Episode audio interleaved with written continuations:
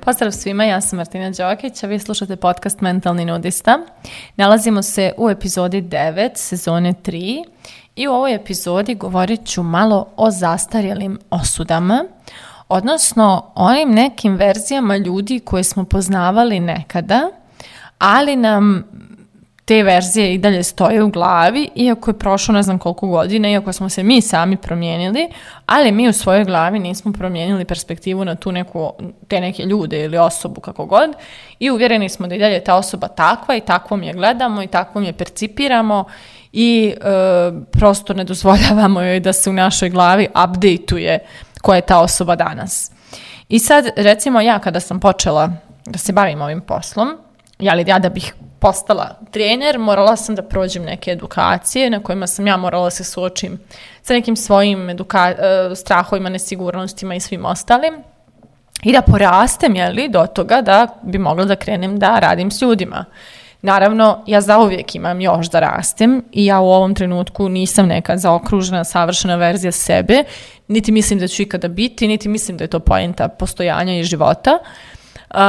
ali u suštini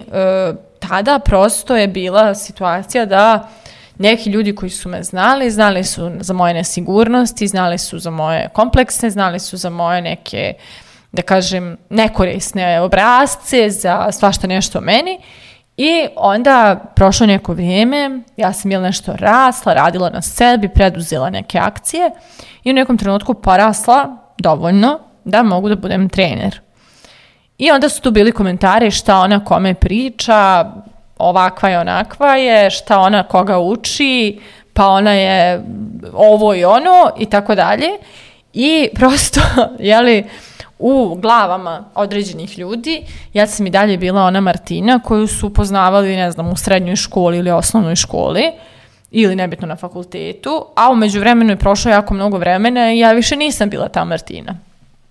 E, postoji i danas neki ljudi koji percipiraju mene kao tu Martinu koja sam nekad bila, bez da kontaju da je prošlo za Boga 20 godina od kad smo se upoznali ili od kad smo se poznavali i da ja više nisam ni ista od prošle godine. Evo sad kad uzmete pa slušate epizode tamo od početka, od kad je pre dve godine nastao ovaj podcast pa, pa nadalje, ja više nisam ista osoba, konstantno se tu nešto mijenja, konstantno se updateujem, rastem, uh, ali ovaj, kako se zove, ne, prosto neko ko nema kontakt sa mnom, on me nije updateovao, ali je dalje uvjeren da sam ja ta ista osoba koju je nekad poznavao, od koje je taj neko vjerovatno u toj prošlosti imao više samopouzdanja, jel taj neko je bio samouvjereniji od mene, pa mu nije jasno kako ja sad nekog učim da bude samouvjeren, na primjer. Jeli? E, e sad da ja ne glumim ovde neku sveticu i ja sam isto um, sklona tome, da ne updateujem neka ideje, neke ideje o nekim ljudima i da prosto ovaj, malo, da kažem, budem u fazonu, ne znam, ta osoba je ono, bila takva i takva i da je percipiram kao takvu i držim tu verziju te osobe ono, godinama, decenijama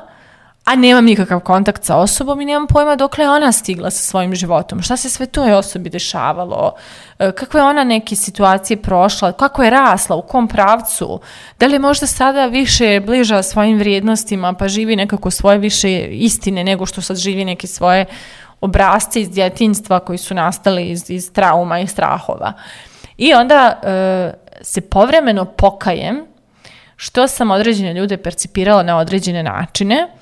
uh, uvjerena da uh, su prosto onakvi kakvih ih ja pamtim.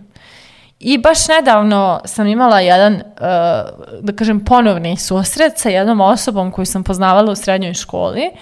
a sa kojom sam, da kažem, imali smo mi solidan odnos u srednjoj školi, nismo bile ništa sad u nekoj ratu ili nešto, ali smo imali ona nekad jačija razilaženja, ko koga laže, ko koga mulja i tako dalje, prosto imali smo neke tako uh, E, znate već te neke prikrivene čarke i ovaj i nismo se mi ni vidjele ni čule pa 15 godina sigurno, a i mislim i 20 kad se zaokruži, da kažem, nismo ono, imali neki uzbiljniji kontakt i nedavno se sretnemo i tako kliknemo, tako se dobro skontamo, tako super uh, E, tako smo kompatibilne u razmišljanjima, tako dobro razumijemo jedna drugu, tako imamo super nekih stvari da podijelimo, koja, koja ono, svaka ima sva, ovoj drugoj nešto da da, što je baš zanimljivo. I bukvalno na prvoj kafi, kad smo se srele, slučajno smo se srele na nekom događaju, i otišli smo na prvu kafu, mi smo toliko kliknuli, smo tako počeli da razmjenjujemo neke baš duboke istine o sebi i, i, i tajne i svašta nešto, i otad se baš redovno čujemo mislim tajne, čuj mene i tajne, a ja vamo sve pričam ovde u podcastu. Uglavnom po, počeli smo da razmenjujemo neku intimu i svašta nešto, ali uglavnom ovaj, e, baš smo nekako, toliko smo slične postale, da je meni bilo nevjerovatno kao bože kako sam mogla da ono držim u glavi verziju e, nje, a verovatno i ona mene, koja ko je kao iz djetinstva, mislim iz, iz, od prije 20 godina. Uh, mi je to bilo fenomenalno kao zaboravila sam da updateujem tu osobu u svojoj glavi jer prosto nisam imala priliku, ali sigurno da me neko pitao nešto o njoj, verovatno bih rekla onu neku verziju koju znam iz srednje škole. E to je bukvalno cijela poenta što mi nekako baš smo strogi u tome da zadržimo neke ideje o tome da su ljudi isti kakvi smo ih poznavali, a e, mi nismo isti, mi smo rasli. Mi smo puno pametniji, ali ta osoba nije. I tu, na primjer, meni jako ne dopada da se ni leži ona da Vuk dlaku mijenja, ali čud nikako. Znači, u doba ličnog razvoja i psihoterapije i rada na traumama